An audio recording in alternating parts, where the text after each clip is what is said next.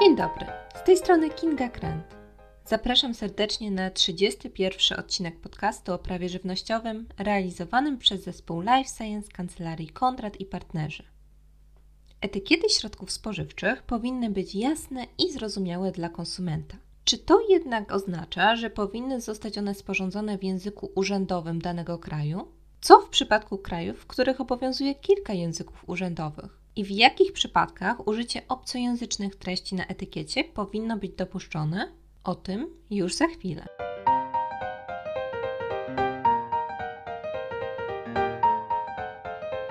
Artykuł 15 ustęp 1 rozporządzenie 1169 łamane na 2011 wprowadza wymóg przekazywania konsumentom obowiązkowych informacji o żywności w języku łatwo zrozumiałym w państwie członkowskim, którym środek spożywczy wprowadzany jest na rynek. Warto wskazać, że prawodawca unijny nie nakazuje oznakowania środków spożywczych ściśle określonym językiem, a jedynie wskazuje, iż język ten powinien być łatwo zrozumiały w państwie członkowskim Unii Europejskiej, w którym produkt jest oferowany. Należy podkreślić, że język łatwo zrozumiały nie jest zatem równoznaczny z urzędowym językiem państwa członkowskiego ani z językiem danego regionu. Choć prawdą jest, że najczęściej to właśnie język urzędowy danego państwa będzie traktowany jako ten najbardziej zrozumiały dla konsumenta. Odnosząc się jednak już konkretnie do prawodawstwa polskiego, wskazać należy, że kwestia sporządzania etykiet w odpowiednim języku została uregulowana w kilku aktach prawnych, a mianowicie w artykule 48 ust. 2 ustawy o bezpieczeństwie żywności i żywienia, artykule 6 ust. 1 ustawy o jakości handlowej artykułów rolno-spożywczych, jak również w ustawie o języku polskim.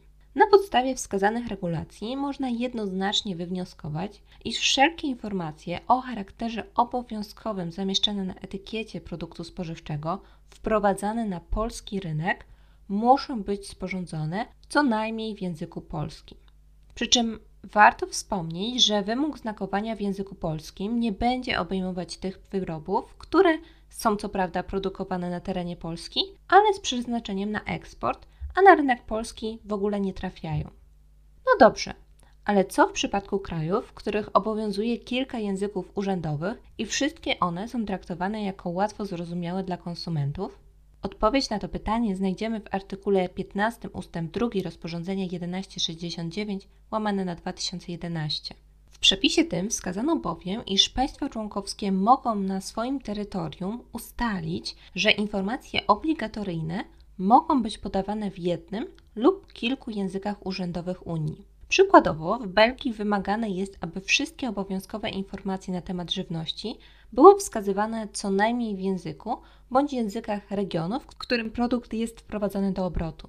Jeśli zaś produkt jest sprzedawany w całym kraju, to wówczas informacje obowiązkowe muszą być wskazane w trzech językach urzędowych Belgii, czyli francuskim, niderlandzkim i niemieckim. Podobnie w przypadku rynku szwajcarskiego. Etykieta powinna zawierać trzy języki: niemiecki, francuski i włoski. Nasuwa się tutaj pytanie, czy jedno oznakowanie etykiety przygotowane w języku francuskim będzie zgodne z wymaganiami prawa obowiązującymi we Francji, Belgii i Szwajcarii? Odpowiedź brzmi tak, jeśli zostanie przygotowane przez osobę, która zna wymagania prawa żywnościowego w tych trzech wspomnianych krajach i odpowiednio dostosuje treść etykiety do obowiązujących przepisów. Dodatkowo warto wspomnieć jeszcze, że język francuski, oczywiście obok języka angielskiego, jest również językiem wymaganym w oznakowaniu produktów przeznaczonych na rynek Kanady. Mając jednak na uwadze, że wymagania związane ze znakowaniem produktów na rynku kanadyjskim są zbliżone do tych obowiązujących na rynku Stanów Zjednoczonych, a zarazem zgoła odrębne od standardów europejskich, nie będzie możliwe, aby francuskojęzyczna etykieta sprzedawana na terenie Unii trafiła na rynek kanadyjski bez konieczności dostosowania jej do wymogów obowiązujących na terenie Kanady. Pamiętajmy też, że obowiązek przekazywania konsumentom informacji w języku łatwo zrozumiałym dla konsumentów łączy się z ogólną zasadą wyrażoną w artykule 7 ust. 2 rozporządzenie 1169 łamane na 2011 ustanawiającym wymóg przekazywania konsumentom informacji jasnych i łatwych do zrozumienia. Nie można jednak wykluczyć legalności różnych okoliczności stosowania w oznakowaniu określeń obcojęzycznych. Może mieć to miejsce przykładowo w przypadku ortograficznego podobieństwa słów w różnych językach, ogólnej znajomości większej liczby języków przez obywateli danego kraju, czy istnienia szczególnych sytuacji, takich jak szeroko zakrojona kampania informacyjna bądź rozpowszechnienie produktu, pod warunkiem oczywiście, że w tych sytuacjach uzasadnione jest twierdzenie, iż konsument jest odpowiednio poinformowany. Możliwe są również pewne dodatkowe okoliczności, w których użycie języka obcego powinno być dopuszczone. Mowa tutaj o obcojęzycznych wyrażeniach ogólnie znanych przez konsumentów, jak na przykład puree, spaghetti czy made in. Czy też w sytuacji, w której słowa lub określenia są nieprzetłumaczalne bądź nie mają swoich odpowiedników w języku kraju sprzedaży. Warto też wskazać, że obowiązek znakowania w języku łatwo zrozumiałym dla konsumenta dotyczy wyłącznie informacji obowiązkowych. Nie wprowadzono takiego wymogu w odniesieniu do informacji o charakterze dobrowolnym. Dlatego też niejednokrotnie spotkamy na etykiecie obcojęzyczne hasła marketingowe typu Energy, Active czy Superfood.